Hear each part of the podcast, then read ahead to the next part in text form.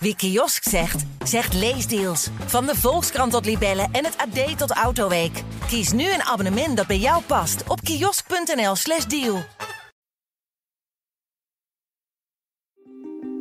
Er is een brute, laffe misdaad gepleegd. Geweld moet stoppen, ja, sowieso. Het Openbaar Ministerie eist forse zelfstraffen tegen de verdachten in het Marengo-proces. Voor de tiende keer in een maand tijd was het vannacht raak. Een explosie in de stad. Meer dan 2 miljard euro aan harddrugs werd vorig jaar door justitie onderschept. Een verdubbeling met het jaar ervoor. Welkom bij de Parool Misdaad Podcast. In deze podcast praten misdaadjournalisten Wouter Laumans en Paul Vugts je elke twee weken bij over grote en kleine misdaadzaken. Nieuwe afleveringen zijn eerst een week exclusief te beluisteren op parool.nl en in onze app. En een week later verschijnen ze in andere podcast-apps zoals Spotify. We gaan het in deze aflevering hebben over het onderzoek dat wordt gedaan naar de moorden op de broer van de kroongetuige, de advocaat van de kroongetuige Dirk Wiersum en de moord op Peter R. de Vries. En dat rapport draait om de hoofdvraag: waar is het misgegaan met de beveiliging? Mijn naam is Corrie Gerritsma en hiernaast me zitten zoals jullie gewend zijn Wouter Laumans en Paul Vugts. Welkom heren. Ik uh, ga jullie zo meteen allebei dezelfde vraag stellen. Dus jullie mogen even een muntje gooien wie mag beginnen. Want uh, het rapport van de Onderzoeksraad voor Veiligheid is in een eerste versie uitgelekt. En jullie hebben het ook al een tijdje in je bezit en gelezen. En stond daar eigenlijk nieuws voor jou in, Wouter? Um, eigenlijk de, de, dat er van alles mis is gegaan rondom de beveiliging van die drie uh, mensen die jij net noemde. Dus uh, de broer van de kroongetuige, Dirk Wiersum en uh, Peter R. de Vries. En dat daar, ja, dat, dat, is, dat was eigenlijk uh, al bekend. Mm -hmm. Dus in die zin stond er niet zo heel veel nieuws.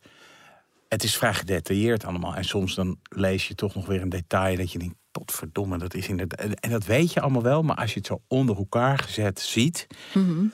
dan denk je toch wel, het is toch eigenlijk, hoe, hoe, hoe, hoe, hoe kan dit? Snap je? En, en dat is de vraag die, die eigenlijk ook na lezing van dat hele rapport blijft hangen van hoe kan dit? Wat het beeld dat naar voren komt is van overheidsinstanties die uh, eigenlijk soms langs elkaar heen lijken te werken, soms niet goed lijken te luisteren naar wat er hen verteld wordt, soms met informatie en ik wil niet zeggen laks, maar uh, niet de, de dreiging die er hing.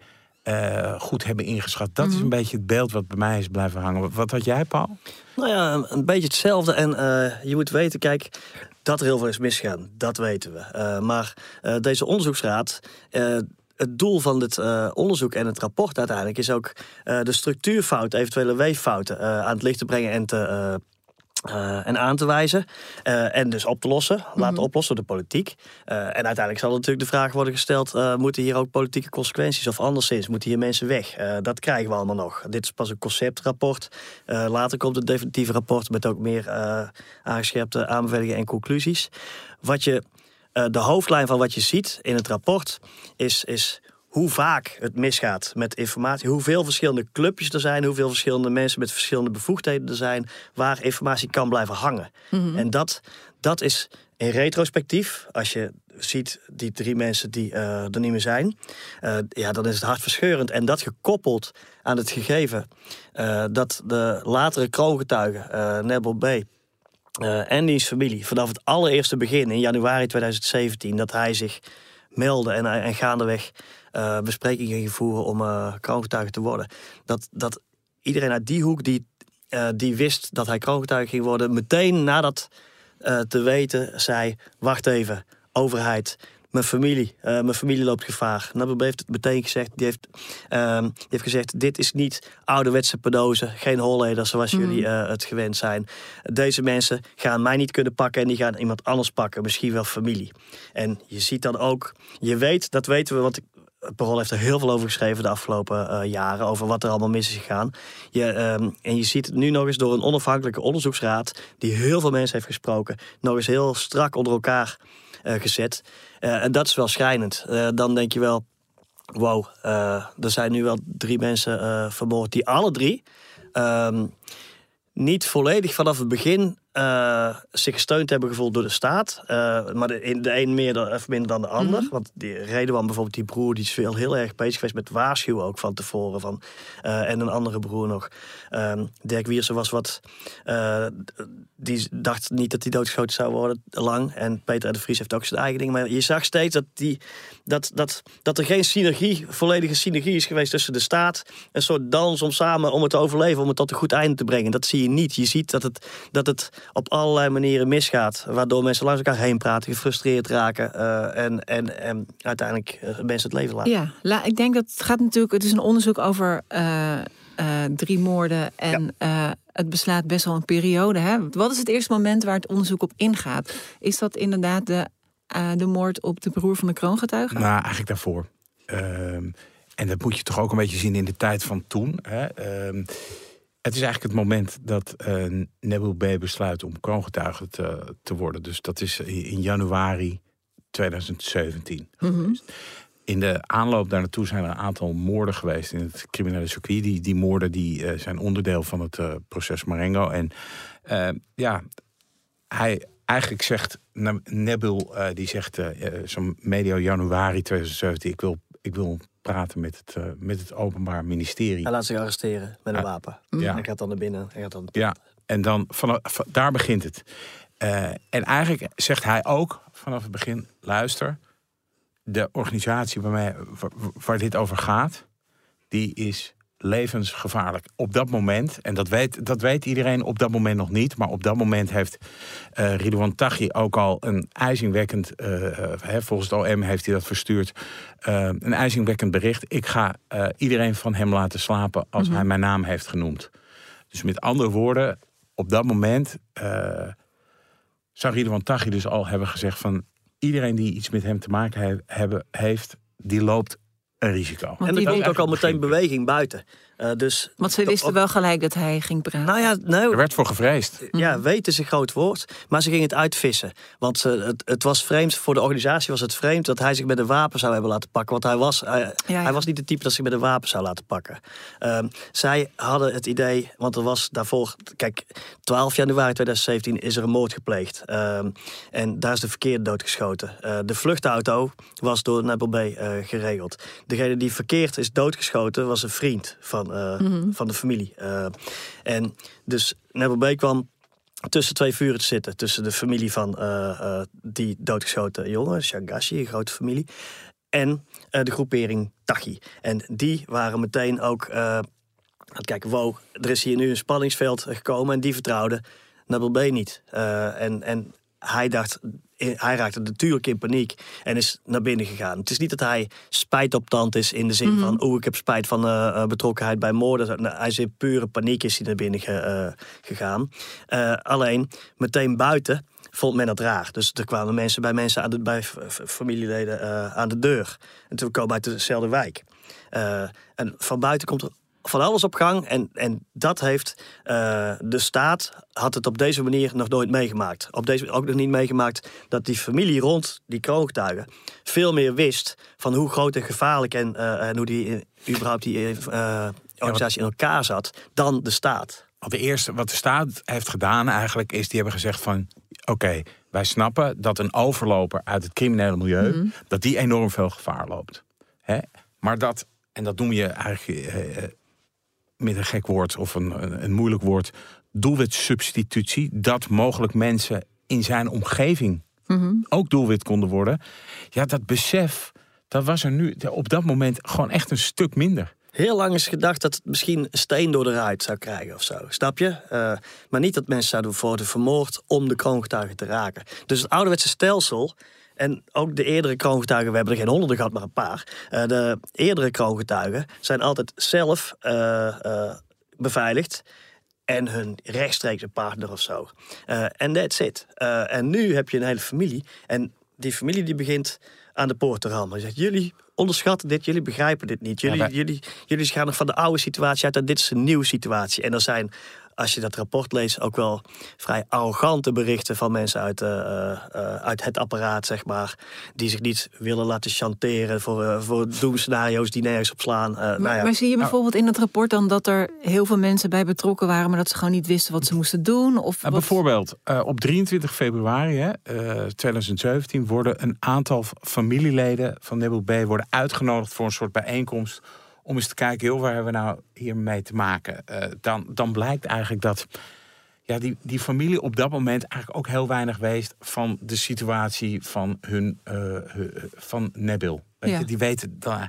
Maar tijdens die bijeenkomst geeft het eh, Openbaar Ministerie eigenlijk aan dat ze helemaal niet weten of er dat, op dat moment veiligheidsrisico's zijn voor hen. Mhm. Dat weten ze gewoon niet. Het is gewoon, ja. De, Maar dat is misschien wel een terechte, terechte observatie, toch? Van het, van het OM. Van ze weten het ook echt niet. nee. eh, Ze komen wel dan meteen al, die, die bijeenkomst is in een hotel in Amsterdam. En eh, daar herhaalt dus het Openbaar Ministerie steeds van... eh, het- in Nederland is er nog nooit levensgevaar geweest voor eh, familie van een kroongetuige en zo. Eh, maar ondertussen heeft Nabil B. wel al eh, verteld dat de criminele organisatie waarover hij spreekt... minstens één corrupt contact heeft binnen de politie van Midden-Nederland. Het gebied waar veel familieleden Ja. wonen. En dus denken ze, oh, eh, dan is het misschien onverstandig om zichtbare beveiligingsmaatregelen te treffen. Want dan kan dit- het corrupte contact eh, dat zien en daardoor verklappen dat Dat het een eh, is. Maar dus, dus je krijgt geen beveiliging. omdat er misschien een corrupt contact daarover zou kunnen praten. Eh, je zou dan vervolgens denken, dan moet er heel snel doorgestapt worden. Dan moeten er dus andere manieren van beveiliging worden gekregen. Dan moet je de moeder, eh, de andere naaste familieleden die nog in diezelfde wijk wonen. Eh, als de wie de weer gaan, om mijn oude term te eh, gebruiken, eh, in veiligheid brengen ergens. En dat is heel laat gebeurd. En daardoor komen veel st- frustraties. En je ziet in alles, en ik weet ook van allerlei partijen dat het zo is, dat het steeds is gaan clashen. Doordat de partijen elkaar niet begrepen en gefrustreerd raakten. En dus terwijl ze het allergrootste belang hadden om met z'n allen goed op te letten wat er Ja, moest gebeuren, gebeurde het tegenovergestelde. Ze, ze, ze raakten in een soort incompatibiliteit des humeur. Er was op dat moment natuurlijk ook mega spanning in die familie van eh Nebel B. hè. De, de, op, het moment dat je broer, dus, eh, dat je hoort dat je broer kroongetuige is, eh, dan, dan, ja, dan ontstaat er natuurlijk wat, wat, wat, is hier aan de hand en wat, wat ben je aan het doen? Dus er, ook in die familie was natuurlijk niet een soort overeenstemming over het feit dat, dat Nebel B. kroongetuige werd. Integendeel, de familie was er eigenlijk bijna unaniem in dat hij geen kroongetuige moest worden. En Redouan, die later zou worden vermoord, die heeft op de eerste bijeenkomst waarover we het hebben, eh, zich al zeer kritisch getoond over de eh, opstelling van het OM ten aanzien van de veiligheid van de familie. Hij heeft gezegd, jullie kunnen dit niet, jullie kunnen ons niet goed beveiligen. En eh, is van mening geweest vanaf heel vroeg al, en net als een, andere, een paar andere familieleden, die deal moet niet komen, dat kroongetuigenschap moet niet komen, het is het niet waard. Terwijl aan de andere kant, moet je ook wel eerlijk even erbij bedenken, het Openbaar Ministerie had eindelijk zicht op een kroongetuige Ja. eh, uit het eh, Marokkaans-Nederlandse criminele eh, grote drugsmilieu, een kroongetuige, die zou kunnen spreken over een hele reeks. die waren heel blij natuurlijk. die waren enerzijds heel blij.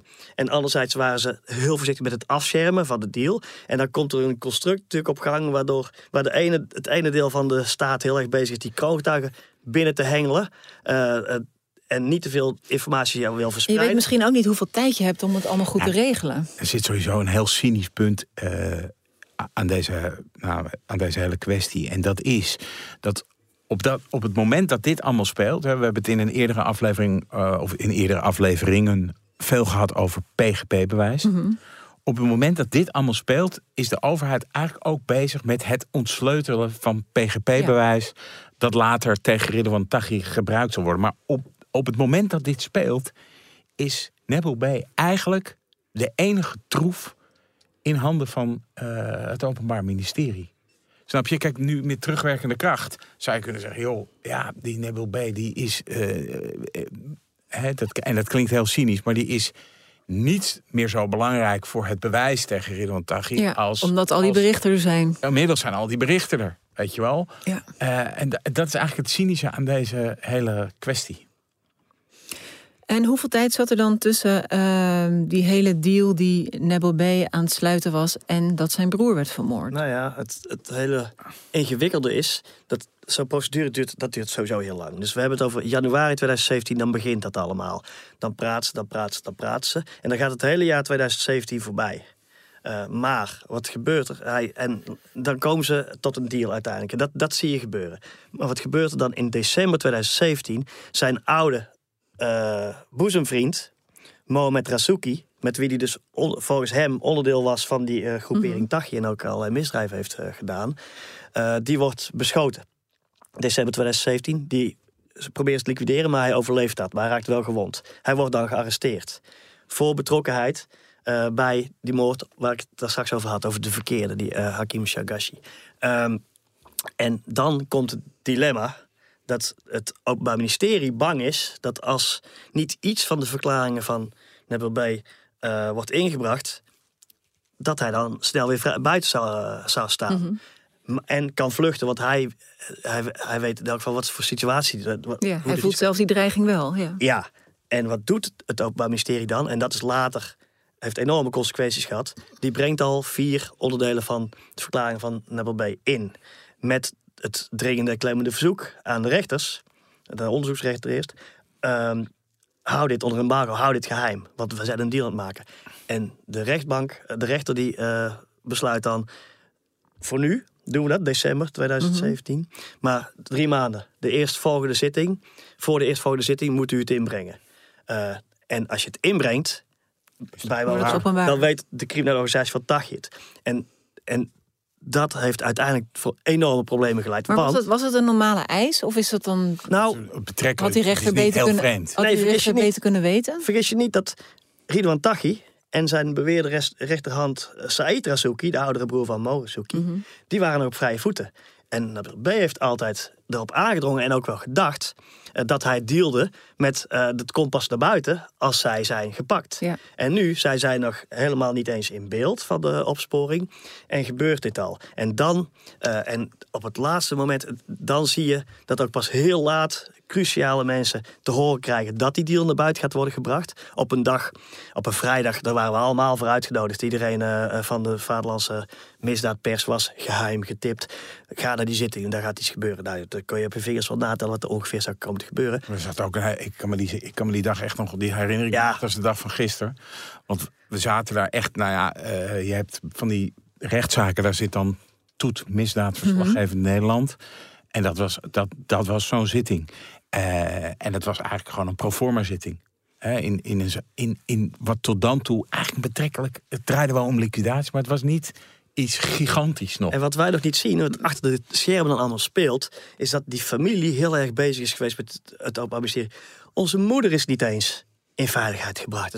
Dat speelde allemaal achter de schermen. En zij... Maar allerlei mensen op, op, belangrijke posities bij te beveiligen uh, van uh, familie mm -hmm. wisten niet eens dat die deal eraan kwam. En dan ineens uh, wordt er op het aller, allerlaatste moment moet er nog. Uh, moet er nog maar, maar je zou, zou toch echt zeggen dat de mensen die die deal met Nebel B aan het sluiten waren. en die weten wat voor dingen hij over die organisatie van Ridwan Taghi vertellen.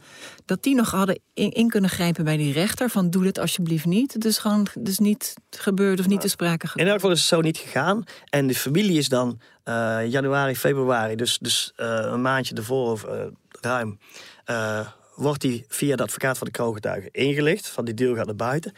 Die schrikt zich natuurlijk helemaal de pletter. En die denkt, oh nee, want er is helemaal nog niks geregeld. Nou, dan gaat het bijvoorbeeld over die moeder, maar ook over, over anderen. En dan, uh, dan moet een hele belangrijke informatiedienst... krijgt het verzoek om dreigingsinschattingen op te stellen voor 40, mind you, 40 personen. Het mm -hmm. beste gedoetje om, zo, om één dreigingsinschatting. Allemaal rondom Nebel B. Ja, ja. En en dat blijkt dan uiteindelijk, dat is niet gebeurd, dat is niet gelukt. Dat, dat gaat, daar gaat alles mis. Doordat het inhoudelijke OM, het zaaks-OM, het zo lang geheim heeft gehouden, is niemand echt goed voorbereid. En, nou ja, en dan wordt op 23 maart uh, die uh, deal gepresenteerd. Het Openbaar Ministerie is heel trots en wil ook echt een cri de keur doen. Uh, mensen, Marokkaans Nederlandse jongens in het criminele milieu, je kunt er wel uit. Je kunt doen wat Nebel B doet. Stap over naar ons. En uh, doe, dan zorgen wij dat je een nieuw leven krijgt in bescherming. Dat had een heel hard signaal moeten zijn aan het milieu. Zes dagen later is het signaal dat de groepering rond Tachi volgens het Openbaar Ministerie natuurlijk geeft oorverdovend. Namelijk de broer Redouan, die zo tegen die deal was. En die zo bezig is geweest met anderen. Hoe gaan jullie ons beveiligen? Wordt doodgeschoten. Is een bedrijf in Amsterdam-Noord. eh eh, bovenaan de trap. Waar die gewoon een sollicitant dacht eh, Ja. Te Nou. ontvangen die zijn moordenaar was. Een andere broer is daarvoor echt wel ook al gewaarschuwd.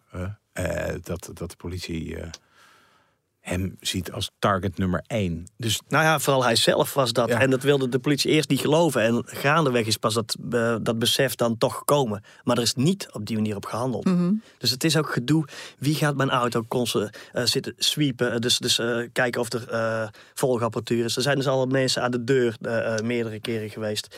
Achteraf blijkt dat Nebel B vanuit de, gevangenis zelf via allerlei communicatielijntjes eh, eh, steeds het inschatten is geweest wat er buiten gaat gebeuren. En je ziet ondertussen, eh, en dat was aanvankelijk is dat. Dat is zo'n grote frustratie ook aan de kant van die familie gekomen. Dat, het, dat je ziet door het hele rapport heen dat het de hele tijd gedoe is. Met, zij vertrouwen er niet in dat de overheid de veiligheid goed kan regelen. Op een hele cynische manier krijgen ze daar uiteindelijk ook eh, eh, gelijk in. En bij de overheid hebben we op een moment bestaat ook wel het idee, ja, die willen het ondersluiten kan. En eh, die zitten de hele tijd maar. En de toon van de, van de eh, gesprekken Het is rare- ook niet ideaal geweest. het gekke is, de- kijk, dit raakt aan de zorgplicht hè, van de overheid. De overheid moet eigenlijk voor bedreigde burgers zorgen. Ik, ik vond dat marchanderen over geld. Ja, wat vind jij daar? Dat, dat, dat dan ambtenaren, ja, ze willen ook het onderste uit de kan hebben. Staan er eigenlijk letterlijk eh, mailtjes en, en, en berichtgeving tussen al die diensten en, en eh, Dus, eh, Nou, in het rapport? Nou, er, worden, er worden veel dingen beschreven hoe dingen gaan en zo. En, en wat dus vooral opvalt is de veelheid van Ja. betrokkenen. Eh, en hoe meer betrokkenen je... eh, ken je nog van de kleuterschool de fluisterzin? Jazeker. Dus dat je in een Ja. grote kring ging zitten. eh, en het ene kindje praat eh, in het oor van het andere kindje. En, die, en aan het eind is, eh, is het wat de, degene uiteindelijk te horen krijgt totaal alles over. Ja. Nou, op een hele cynische manier is dat hier in het groot ook bezig. En, nou, maar als ik een klein zijstapje mag maken.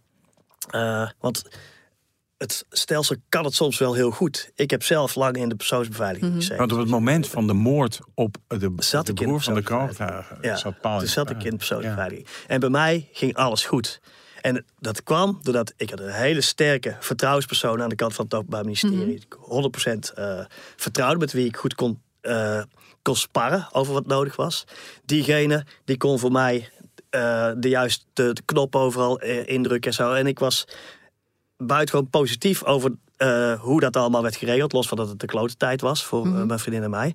Ehm, maar eh, wat je later zag, is dat er zijn andere, op andere plekken, andere soorten eh, mensen. Soms in dezelfde functie als mijn contactpersoon, maar soms ook dreigingsinschatorganisaties en zo. Als je het rapport leest, je wordt duizelig van de afkortingen. Van, van, eh, ik moet steeds soms terugzoeken, wie is dit? Van allemaal clubjes die allemaal weer ingewikkelde namen hebben en allemaal ingewikkelde protocollen. En die doen wat ambtenaren doen. Dus hey, volgens het protocol moet ik eh, dit informatieding, brokje eh, in bakje eh, B leggen. Nou, en, en, en ga ik het weekend vieren. En niemand komt het in bakje B pakken. Snap je? Terwijl je denkt, oh wow, sense of urgency. We moeten bam, bam, bam. eh, en, eh, Is de organisatie gewoon te groot of te verdeeld? te groot en te ingewikkeld. probleemhouder, denk ik. Ik denk dat het, het probleem wordt snel afgewenteld op de organisatie aan zich. En niemand is eigenlijk, weet je, iedereen is een beetje verantwoordelijk en daar Ja. was eigenlijk niemand verantwoordelijk. En dat, dat is de ziekte van het stelsel, denk ik. Wat je ook in de zo- jeugdzorg ziet, volgens mij. Ja. Nogal, ja. Met En je moet overigens- en- ja. Overigens moeten we erbij zeggen, dit rapport kijkt terug naartoe natuurlijk. Inmiddels worden er al allerlei stappen gezet en zo. Er zijn ook, maar het gaat soms ook om definities. Er komt er uiteindelijk, eh, daar komen we nog op, maar uiteindelijk wordt helaas ook Dirk Wiersum natuurlijk nog eh, vermoord in eh, eh, september 2019. En uiteindelijk Peter R. de Vries. Nou, na de moord op Dirk Wiersum komt er ook een heel speciaal team en zo. En het moet alles, alles moet gestroomlijnd worden en gestructureerd. Maar dat is dan weer voor officieren van justitie, rechters en eh, de advocaat van de kroongetuigen en zo. Daar valt ook weer die familie buiten bijvoorbeeld. Daar vallen bijvoorbeeld ook journalisten buiten. Eh, dus het is altijd, de overheid zal in eerste instantie altijd proberen de overheid goed te bedienen. En pas deel 2 wordt, worden de buitenstaanders. En nou ja, hier zie je heel erg in die familie. Kijk, eh, en dat zie je ook wel uiteindelijk rond, eh, rond Peter R. de Vries en zo, dat die gesprekken zo moeizaam gaan. Ook Peter krijgt ge- gedoe op allerlei manieren met de instanties, omdat hij denkt. Jullie eh, willen mij niet volledig in- inlichten. Jullie willen wel A zeggen dat Tachi het op mij voorzien heeft. en en je, je voegt daar niet bij waar die informatie dan vandaan komt. Want ik wil heel graag, zoals ik altijd doe, kijken of ik het stuk kan maken, zoals dat heet in recherchetermen. Dus dat- dat ik de dreiger gewoon in zijn gezicht gewoon kan benaderen of, of bellen of wat ook. Kan, en, en dan kan het kou uit de lucht kan nemen.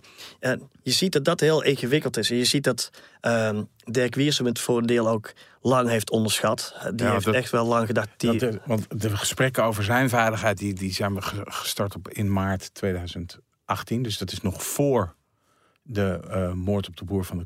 Oké. Dan, dan, dan komt er eigenlijk al van, joh, eh, advocaten lopen mogelijk ook risico. Die waarschuwing komt, die komt overigens van de kroongetuigen. Die zegt, dat is echt heel Gewoon, maar gevaarlijk. goed, die denkt natuurlijk iedereen die ermee te maken heeft, loopt gevaar. Ja. De kroongetuige heeft van het allereerste begin tegen zijn advocaten gezegd... jullie zijn ook in gevaar. Dit is, dit is anders dan wat iedereen Ja. gewend Eh, en dan een zinnetje uit het rapport. Op dat moment eh, en in de periode erop leefde bij de verschillende betrokken partijen het gevoel dat een aanslag op een advocaat erg onwaarschijnlijk was. De gedachte hierachter was dat een advocaat vervangbaar is. Bovendien was iets dergelijks in Nederland nog nooit eerder gebeurd. En dat is. Dat, dat zinnetje illustreert iets Ja. heel. Men is altijd bezig met de vorige oorlog. Ja, en hoe het ging. Hoe, wat kunnen we verwachten? En dat baseren mensen op basis van wat er in het verleden is gebeurd. En dit is nog nooit gebeurd. Dus het Dit zal toch wel niet? ja. Ja. Eh, en dat gevoel dat leefde niet alleen eh, bij, bij de instanties. Hè. Dat leefde bijvoorbeeld ook bij Dirk Wiersum zelf. Hè? Ik heb het persoonlijk met hem over gehad. eh, toen ik uit de beveiliging was en we kwamen elkaar in de rechtbank tegen. En eh, nou, toen, heb ik hem wel gevraagd van hoe, hoe denk jij over jouw veiligheidssituatie? Toen zei hij, ja, maar als het niet, als het niet heel concreet wat is, eh, dan wil ik niet wat jij hebt gehad. Want ik, dan kom je in, een, in Ja. de ijzeren klem, eh, goed bedoeld, van de, de staat terecht. eh, dat je bewegingsvrijheid, je privacy, alles, eh hij heeft een gezin natuurlijk... eh, gaat er helemaal aan. Dat kan ik me ook heel goed voorstellen. Kort voordat Dirk Wiersum werd eh, vermoord, ik meen de avond ervoor, is hij samen met de andere advocaat op de fiets naar Ajax gegaan, naar de Johan Cruijff Arena, naar een, eh, een Champions League wedstrijd. Dat was de sfeer. Mhm. Ehm, en Ja, het is werk. Je doet het in de rechter. Ja, en dan- want toch is het volgens mij zo, dat, dat, of dat lees je ook terug in het rapport, dat eh, Dirk Wiersum dus in juni 2018, dus echt gewoon een jaar voor zijn moord, echt wel zorgen heeft geuit over veiligheid. Mhm. Ehm, maar wat daar vervolgens nou precies mee is gebeurd. En of hij daarna niet meer naar Ajax nou, ging. kijk, er zijn, nou dat veel eerder, dus dit hebben we al juni 2018, want hij is, dat Ajax is de, de- kort voor zijn moord in september 2019. Maar in 2018, dan heeft hij bijvoorbeeld de politie rijdt eh, in het begin vaker langs zijn huis. Eh, en dat wordt uiteindelijk weer afgeschaald halverwege. Eh, dat, dat was eer, eerst twee keer per dienst, geloof ik, of elk uur. En, en dat wordt dan later afgeschaald naar zes keer per etmaal. Komt de politie langs zijn huis. Ehm, ze hebben zijn huis wel wat ehm, eh, beveiligd. Maar hij gaat wel gewoon onbegeleid eh, de hele tijd nog op pad. En wat het heel cynisch is, eh, en, niet alles is de overheid te verwijten, hè, maar sommige dingen zijn wel heel ongelukkig gegaan en dat zie je nu pas terug. Er is in Utrecht er is een groot onderzoek naar plofkrakers, ramkrakers, inbrekers misschien. En daar doet de recherche inval in een garagebox waar drie voertuigen staan, waaronder een Renault Megane. Dan hebben ze twee pijlbakers om voertuigen mee te volgen en er zijn drie voertuigen. Shit. Ze plakken die pijlbakers onder de twee snelste, niet onder die Megane. Wat gebeurt er vervolgens? Dat weten we later. Die Renault Megane is door de dadergroep tientallen keren gebruikt om in de straat van Dirk Wiersum te observeren bij zijn huis. Oh, dat klinkt echt heel als een heel ongelukkige. Ja, maar Ja, zo, zie en- je, zo zie je dus telkens dat er dus dit soort, dit soort ja, pech eigenlijk. Of Dat is pech, terug maar ik wil er nog wel- terug kunnen gaan om er nog één te Ja, Ja, nou, dat hebben ze gedaan. Twee dagen later is hij weg. Dus ze zijn opnieuw in gaan breken in die loods. Is hij weg. Maar vervolgens, dat is, dat is domme pech. Vervolgens wordt die auto, de, de, eh, die kentekenplaten van die gestolen Renault Megane, die zijn natuurlijk gedupliceerd. Die horen, die zijn dezelfde als de echte kentekenplaten op een ander Renault Megane. De eigenaar van die Renault Megane, die belt op een met de politie, krijgt steeds bonnen uit Amsterdam. Uh, uh, terwijl mij en Renault en Megane al sinds mei 2019 op een uh, terrein ergens staat. Die beweegt niet. Dus er is iets geks. Nou, dan wordt er wel. Dan blijkt, achteraf blijkt dat de parkeerbeheer van Amsterdam, die Renault Megane heel vaak of geregeld heeft gescand bij het huis van Dirk Wiersum. Maar die informatie die is niet gelinkt aan politiesystemen. Uh, niemand heeft in de gaten, dat is pas achteraf in het opsporingsonderzoek, blijkt. Uh, er is ook op een moment, je ziet van allerlei dingen, de Amsterdamse recherche vraagt op een gegeven moment, moeten wij niet uh, even maatregelen nemen of zo? En dan, dan zitten ze bij het verkeerde loketje en dan worden ze eigenlijk weer, het is weer heel frustrerend dat je nu dus ziet met terugwerkende kracht dat al die brokjes informatie er waren. Ja. Alleen... Het is, niet, het is niet alleen frustrerend, maar het is natuurlijk ook beangstigend. Ja. Voor mensen die nu bijvoorbeeld in het stelsel uh, bewaken, beveiligen zitten. Dat je dus denkt van ja, maar je waant je veilig. Hè? Of je, je, als, jij, als, als de overheid zegt, kom maar hier, wij beschermen jou. Of uh, er is extra aandacht voor jouw veiligheid. En die overheid zegt, nou, wij, wij, wij, wij, wij, wij beschermen jou. En ondertussen, en als je dit dan leest, dan denk je, ja, maar wacht eens even niet alles praat met elkaar. En niet alle lijntjes worden even nauwkeurig Ja. afgelopen. Als Zelfs dus aankomt. niet in deze situatie al. Dat er zijn twee belangrijke politiekorpsen die met het hele feitencomplex te maken hebben. Amsterdam en Midden-Nederland, waar Utrecht onder eh, eh, valt. De rechercheteams die relevante onderzoeken doen, gelinkt aan dan wel Tachi, dan wel eh, Utrecht, zware criminaliteit, die praten niet met elkaar. En daar gaat het ook mis. En de, de- dat hele rapport van de Onderzoeksraad voor Veiligheid is een aaneenschakeling van, van dat. Van het langs elkaar heen werken, elkaar niet verstaan, systemen die niet gekoppeld zijn. eh, Niet opletten. niet opletten. En dan, en als dan uiteindelijk wel een hele grote sense of urgency is, want Wiersum is helaas eh, vermoord, dan zie je wat ik net al eerder zei, eh, dat men eerst heel erg kijkt naar de overheid, de officiële procesdeelnemers. Er is nog lang discussie geweest, was Peter R. de Vries, die vertrouwenspersoon werd, was hij wel een procesdeelnemer? Dat is een ander verhaal natuurlijk Moest, ook, ja, maar moest hij daarom weer beveiliging krijgen en zo. En dan is er een groot, echt een groot team, Braachium, eh, waar heel veel effort in werd gestoken om mensen te beveiligen. Maar dan valt hij nog buiten, want hij is geen officiële procesdeelnemer eerst. En ook Peter krijgt. Peter was natuurlijk ook een eigenwijze figuur. Hè? Dus die kreeg ook, die wilde, die wil wel eens van iemand weten. Oké, je, hebt, je hebt een tip, je komt hier gewichtig doen met een tip over mijn leven. En eh, nou, vertel maar hoe zit het dan verder? Ja, kunnen we niet zeggen, want geheime dienst. En die kwestie, Want je die bent kwestie alweer- de is sowieso heel gek eigenlijk. eh, ook hoe het begon. Want, ehm, en dat, dat weet Paul ook nog wel, op, op enig moment eh, is er dreiging op het leven van Peter de Vries. En dat is in 2019. En dat verbaasde iedereen eigenlijk. Hè? Ja, Want hij kondigde, hij, het kondigde, hij kondigde het zelf aan eh, bij RTL Boulevard. Mhm. Eh, eigenlijk om het stuk te maken. Hè? Om te zorgen van dat de mensen die eh, mogelijk dreiging hadden op, of- zijn leven bedreigden, dat die, dat die, dat die daarvan af zouden zien. Mhm. En, en iedereen verbaasd dat, want tot dan toe had Peter R. de Vries zich eigenlijk amper bemoeid met de hele kwestie. En dat heeft hij ook gezegd toen, in reactie op die, die tip. Hij, hij kreeg dus informatie, was van team criminele inlichtingen. Dat is de geheime dienst. Van, Dan moet je je voorstellen, je wordt wel op de hoogte gesteld van... hé, hey, er is nare informatie over eh, jou en zo. Ja, en hij zegt, ja, wat dan?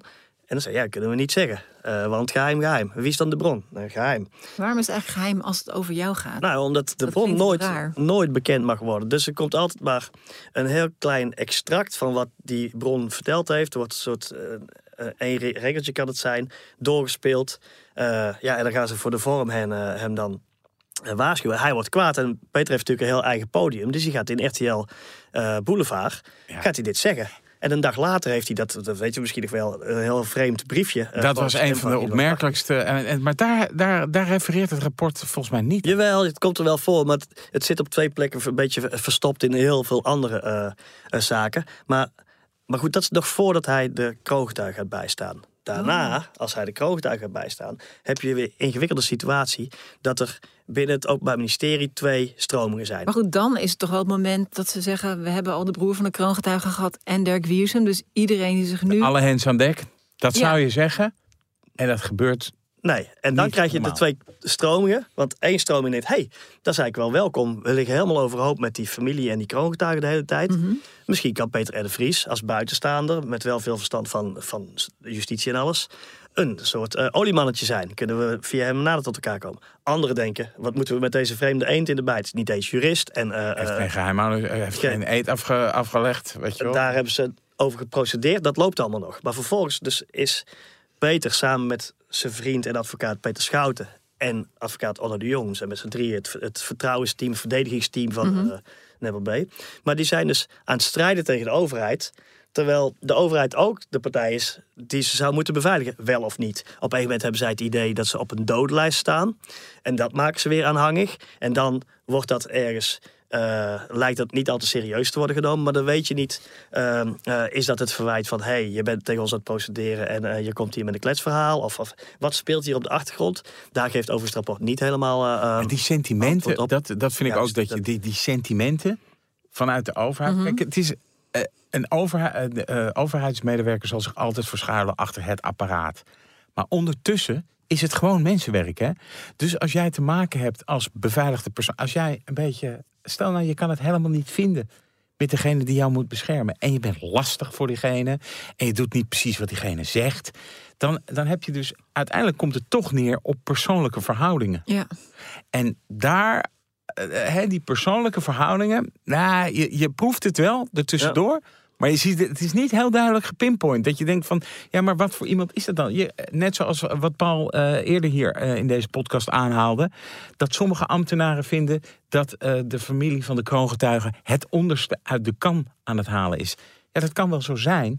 Maar mm. ondertussen ben je wel verantwoordelijk voor de beveiliging. Dus die, dat soort. Nou, meneertje, moet u nou maar eens even goed naar mij luisteren. Want ik werk bij de overheid en ik Ja. weet het wel beter. En als je dat dan paart aan dat aantoonbaar de overheid minder wist. Dat bleek de hele tijd dan die familie over uh, Ja. uh, Tagje-consorten. Dan wordt het extra schrijnend. En wat je bij, ehm, eh, bij Peter ook uiteindelijk krijgt, dan, dan krijgt hij wat maatregelen aangenomen. Dit wil hij niet. En dan zei ze, zonder dat hij het weet, zei ze eh, in zijn straat foto's aan het maken van zijn huis. En een buurman spreekt Peter erop aan van, hé, hey, er was hier ge- geuniformeerde politiemensen die waren een foto aan het maken van jouw huis.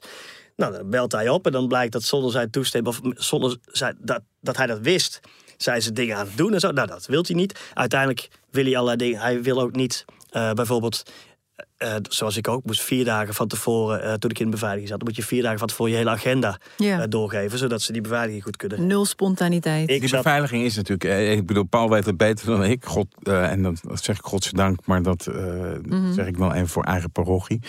Het is natuurlijk iets afgrijzelijks. Ja. Ja, maar bij, en, en hij kon dan, hij hoefde niet, hij wilde niet al dit soort beveiliging, dat speelde niet, de beveiliging die ik heb eh, gehad. Maar er speelde wel eh, dat ze hem zouden begeleiden bij eh, bepaalde afspraken en zo. Maar dan moet hij die afspraken vier dagen van tevoren melden.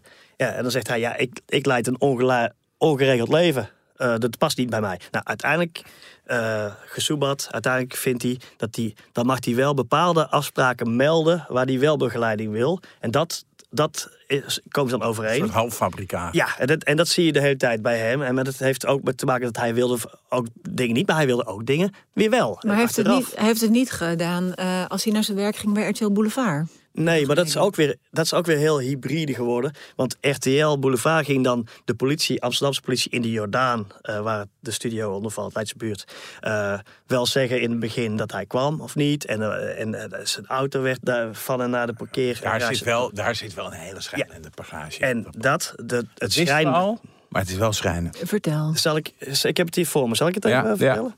Ehm, een medewerker van de parkeergarage waar hij zijn auto heeft eh, staan, steeds en waar gasten van de RTL Boulevard vast hun auto eh, parkeren. eh, die heeft op 28 juni 2021, en dan zeg ik even bij, op 6 juli zou hij worden eh, neergeschoten. Alarm geslagen, want hij ziet dat de Vries wordt achtervolgd door een man met opvallende tatoeages. Nou, later zal blijken, is dat degene die ook betrokken is geweest bij de uiteindelijke moord. Ja. Die mensen van die garage, eh, die eh, gaan naar de beveiliging van RTL Boulevard.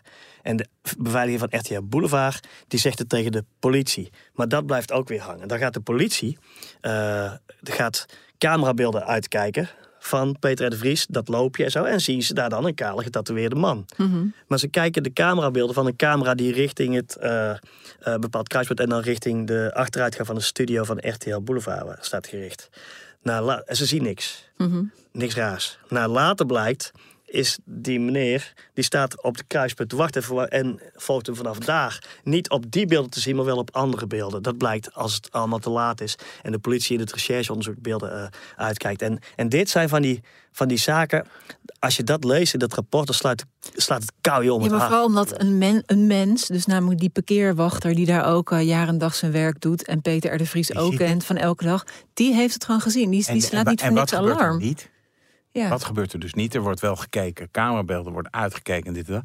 Er gaat niet even iemand naar de parkeerwacht toe die zegt: Hé, hey, wat heb jij nou precies gezien? ja, en heb je hem vaker gezien? En op dat moment zijn er dus, en dat is echt wel, dat is echt wel eh, heftig als je daarover na. Op dat moment zijn er dus al twee mensen in de omgeving van die, in de nabije omgeving van die kroongetuigen, die zijn doodgeschoten. Ja, En dat je dan dus, ja, we gaan de camerabeelden kijken, ik zie niks. Ik zie niks. En dan, er wordt geen valt het dood. Terwijl die man, die staat daar jaar en dag, die zegt dat niet zomaar. Nee. En Peter R. de Vries heeft het ook niet te horen gekregen. Want het gaat nog verder, deze toch wel beschamende anekdote moet ik zeggen. Eh, op een- de volgende dag is Peter de Vries weer te gast bij RTL Boulevard.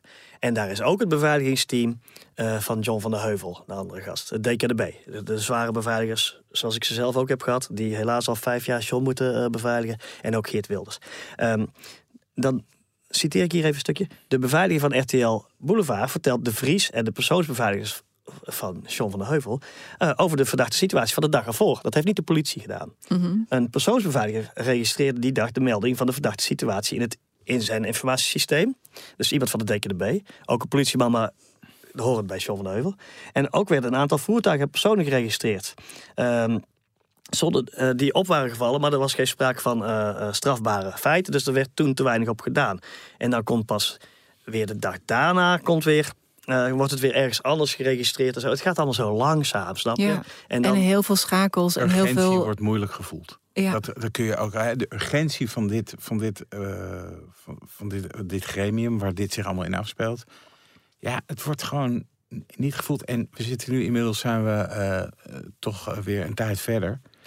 Ja, en ik vraag me dan wel bij lezing eh, af, wat, wat zou er nou gebeuren als dit nu gebeurt? Wat zou er nou, wat gaat dan weer, gaan we dan, want dit, dit stemt toch somber. Hè? Ja. Telke, elke keer is het weer hetzelfde. Oh ja, als we dat toen hadden Ik gedaan. Als één dit- kleintje, want die hoorde bij de Vries. En dan, want daar gaan we meer naar conclusies, denk ik. Maar ehm, op 6 juli, als het allemaal gebeurt... RTL Boulevard verstuurt op die dag weer een kennisgeving aan de politie in de Jordaan. Want Peter komt vanavond weer. Mhm. Ehm, het basisteam kwam die dag niet toe aan het lezen van de mail. Oh god. Ja, dat zie Nou je ja. dus. En Ja, dat, is dus waar ik eigenlijk al een beetje op voor En, en weet je wat, het is natuurlijk heel flauw om te zeggen, oh god, want ik lees mijn mail ook wel eens een dag Nee, niet als ik het druk heb, weet je wel. Dus ik Ja. wil niet dat we, Nee, maar daarmee... dat we zeggen dat niemand zijn Nee, werk goed daarmee, doet. daarmee moet je dus misschien vaststellen... dat zeggen we mailen het, we mailen, eh, eh, het basisteam Jordaan over Dat is geen goede manier. Dat is geen goede manier. Nee. Want dit is, kan dus zo, zo urgent zijn. Ik bedoel, Peter de Vries is eh, gewoon op klaarlichte dag... op het Leidseplein op een van de drukste plekken van het land doodgeschoten. Je kunt je ook afvragen of het eh, op dat moment in die situatie nog toe doet. eh, dat je er niet uitkomt over beveiliging. Dat misschien, stel hij zou. Het is niet zo dat hij niks wilde. Maar stel hij zou helemaal niks hebben gewild. En hij gaat elke dag, eh, of enkele dagen na elkaar. eh, vanaf dezelfde plek op dezelfde tijd, waar die live te zien is geweest, op dezelfde tijd, hetzelfde loopje naar dezelfde garage. Dan ben je wel makkelijk te pakken voor wie Ja. dat wil. Eh, had, is een discussie voor achteraf, had de overheid niet dan zelf maar iets moeten eh, fixen. Eh, dan zorg je dat daar politie in die straat is. Dat er in elk geval niks gebeurt. Dat, maar dat, zijn, dat is de kennis Ja, van dat nu. Dat moeten we ruiterlijk Ja. de hele tijd maar herhalen. Achteraf Eh, kijk je een koe natuurlijk, hè, dat, iedereen kent dat gezegde. Eh, maar met name van, jongen, wat, welke lessen gaan we hier uittrekken? Kijk, deze, dit rapport sorteert natuurlijk ook voor op een aantal eh, aanbevelingen. Mhm. Die, zijn er, die, zijn nog, die zijn er nog niet. Eh, nou, dat, dat Er is er volop discussie ook over. Allerlei mensen willen allerlei anders in het rapport en zo. Dus eh, binnen de eh, Openbaar Ministerie en de, en de dienst is, is grote woede over bepaalde eh, passages in het rapport. Die vinden, er zijn mensen die niet recht vinden worden gedaan aan een situatie.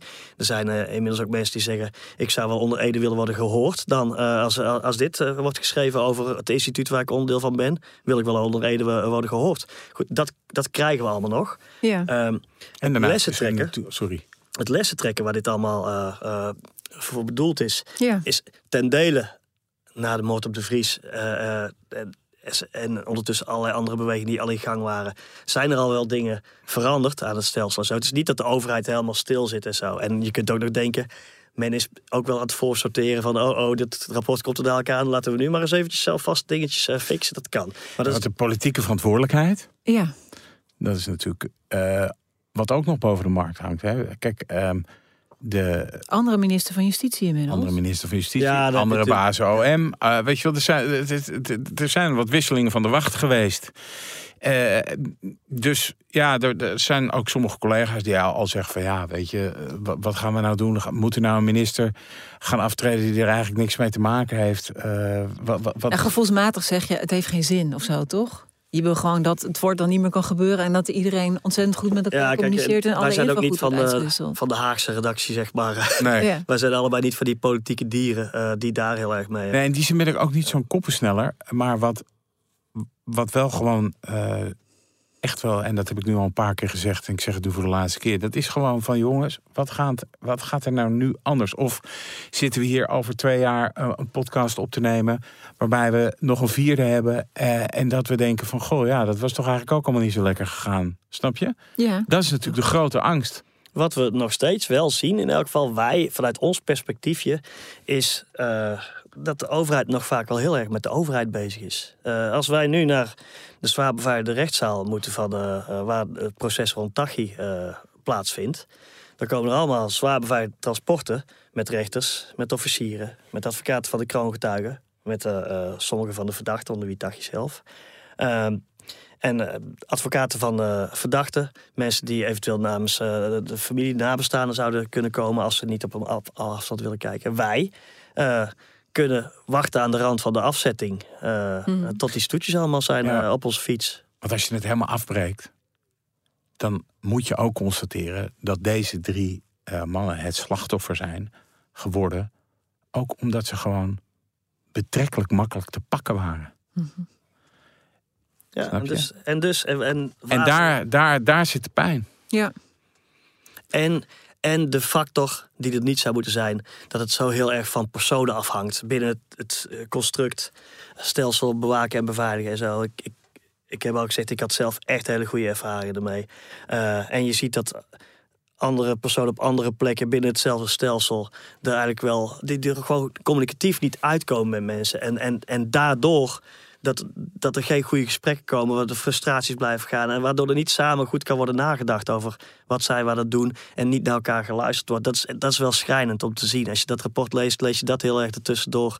Dat, dat het karakters die niet met elkaar stroken en zo. En, ja, maar uiteindelijk liggen er drie mensen op de grond en zijn er levens verwoest ook van familieleden van de kroongetuigen die gewoon al hun hele leven kwijt zijn. Ik eh, heb het gevoel dat we toch afsluiten deze aflevering een beetje in mineur. Want het Zeker. voelt er allemaal... eh, het is natuurlijk eh, een ongekende tragedie.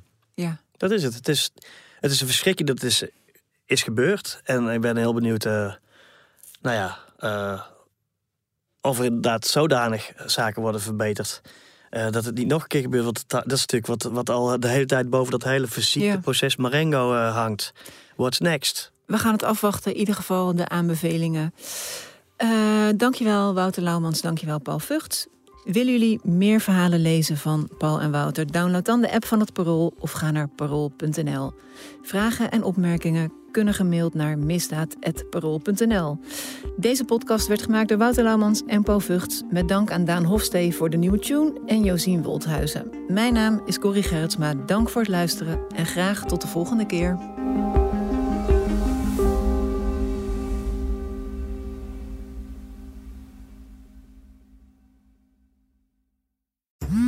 Worden dagelijks overladen met overbodige informatie. En het is moeilijk de zin van de onzin te scheiden. Daarom vertrouw ik op echte journalisten in plaats van meningen. Een krantenmens heeft het gemakkelijk. Word ook een krantenmens en lees je favoriete krant nu tot al zes weken gratis. Ga snel naar krant.nl. Bezorging stopt automatisch en op deze actie zijn actievoorwaarden van toepassing. Wie kiosk zegt, zegt leesdeals. Van de Volkskrant tot Libellen en het AD tot Autoweek. Kies nu een abonnement dat bij jou past op kiosk.nl/slash deal.